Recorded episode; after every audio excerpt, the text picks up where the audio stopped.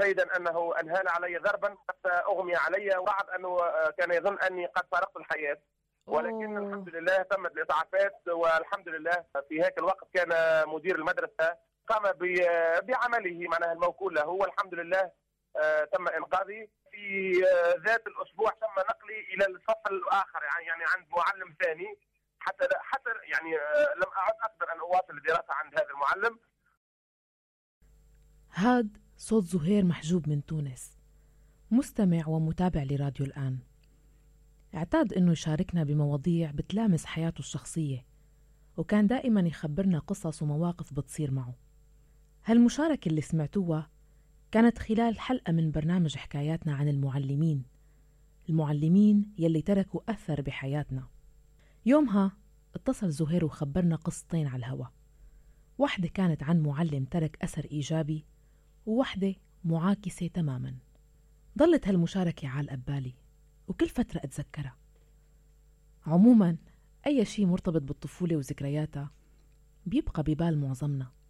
لما أطلقنا بودكاست صارت معي تواصلت مع زهير وذكرته بالحلقة وبمشاركته فيها. واتفقنا إنه يحكي عن الموقف بشكل أوسع بوحدة من الحلقات. وفعلا خبرني القصة وإنتو هلأ رح تسمعوها منه. عسلامة راديو الآن. أنا زهير من تونس. حبيت نشارك في برنامج صارت معي. صارت معي حكاية بدأت من طفولتي منذ أن دخلت للمدرسة الابتدائية عام 1987 ونتائجها وانعكاساتها أبقات معي إلى يوم الآن. حادثة أثرت علي برشا على المستوى النفسي كذلك على المستوى الطموحي وخلتني نكون أقوى. زهير فضل يحكي القصة بين العربية الفصحى وبين لهجته التونسية لحتى أي حدا عم يسمعنا تكون واضحة بالنسبة له بدون أي مشاكل. خلونا نتابع.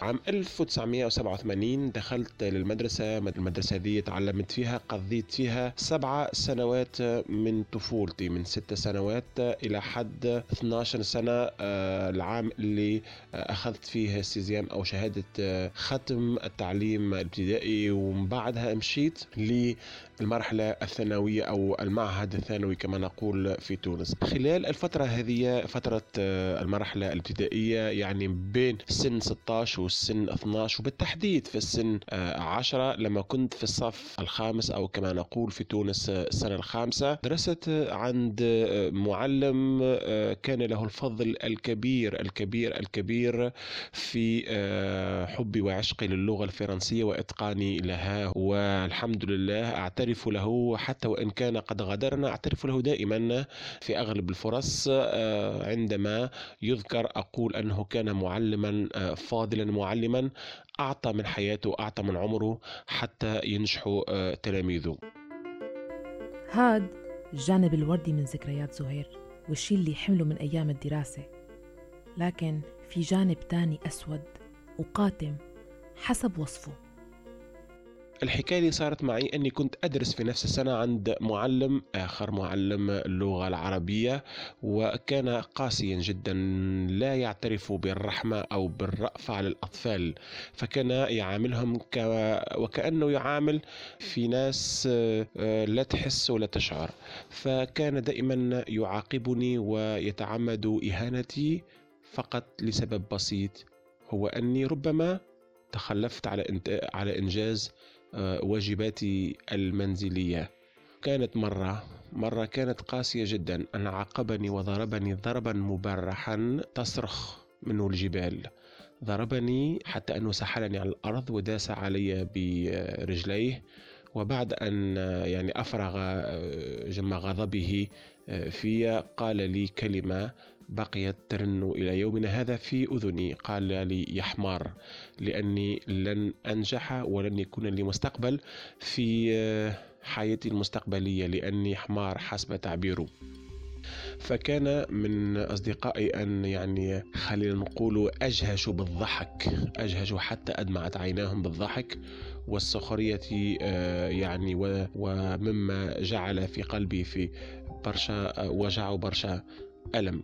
وكان يكرر ذلك ولا ولم أكن أعرف لماذا لأنه كان الفصل في هيك الوقت كان الفصل يعني فيه تقريبا حوالي 30 تلميذ فكان يتعمد دائما إهانتي رغم أنني كنت أحقق نتائج طيبة آه، كما قلت لكم في اللغة الفرنسية حتى في اللغة العربية إلا أنه, إلا أنه يستغل كل فرصة فرصة عفوا لإهانتي ربما لا أعلم إلى يومنا هذا. آه، في المقابل آه، هو آه، لا يزال على قيد الحياة والحقيقة أقولها لا أكن له أي احترام ولا أعترف له بأي فضل لأنه كان سببا في أنني عشت فترة من مرحلة الابتدائية فترة فترة بائسة فترة مؤلمة حتى أنه صرت خلينا نقول بين ظفرين مسخرة بين أصحابي بتعلة أني حمار بصفة لا تليق على إنسان.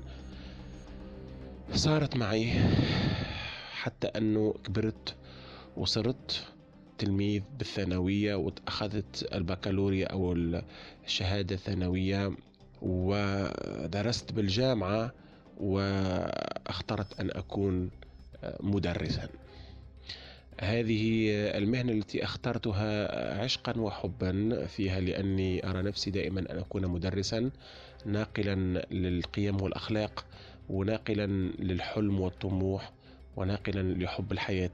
آه، وتكرر آه، معي أو تكرر أمامي آه، موقف قاسي جدا أنه في زميل من الزملاء أو مدرس يعني كان يشتغل معي في نفس المدرسة أنه أهان تلميذ وقال له يا حمار عندما كان يركض في الساحة يركض فوقع هو عموما أو منطقيا يجب أن يهرع هذا المدرس لمساعدة الطفل على أن آه، يعني آه، يقف وأن يطمئن عليه من كل أذى إلا أنه صرخ عليه قالوا يا حمار ليش بتجري؟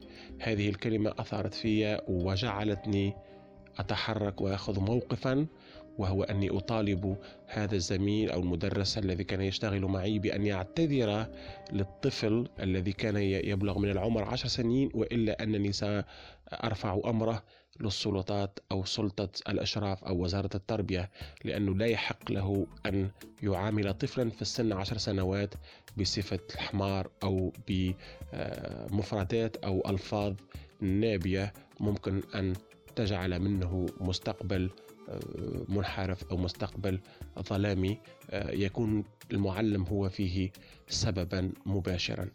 فاختلف معي هذا المدرس وصل الأمر إلى والديه.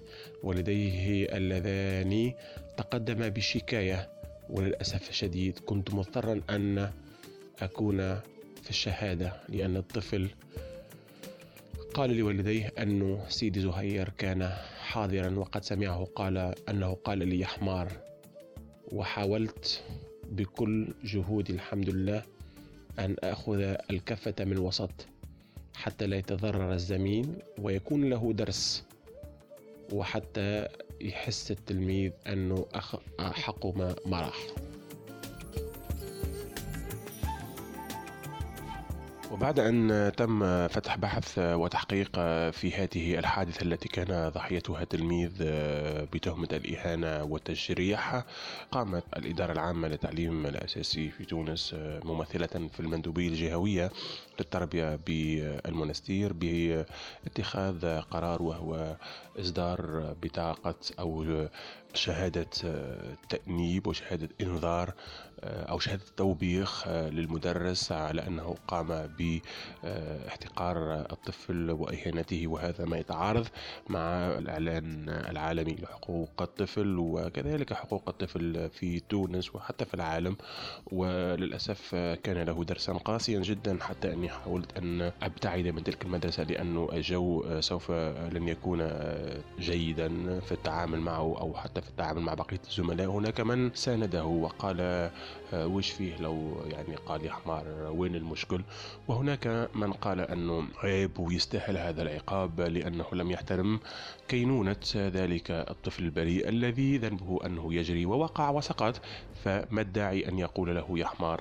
آه هذه آه القصة اللي صارت معي بين الماضي والحاضر هناك رسالة أريد أن أبلغها وصوت أريد أن أبلغه لكاف لكافة المدرسين من من المحيط الخليج. احترموا الأطفال فإنهم مستقبل الأرض وإنهم مستقبل الحياة. شكرا. مها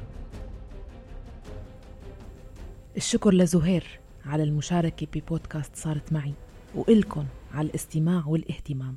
فيكن تكونوا معنا بقصة صارت معكم تواصلوا معنا عبر الواتساب على الرقم 00 971 568 531 592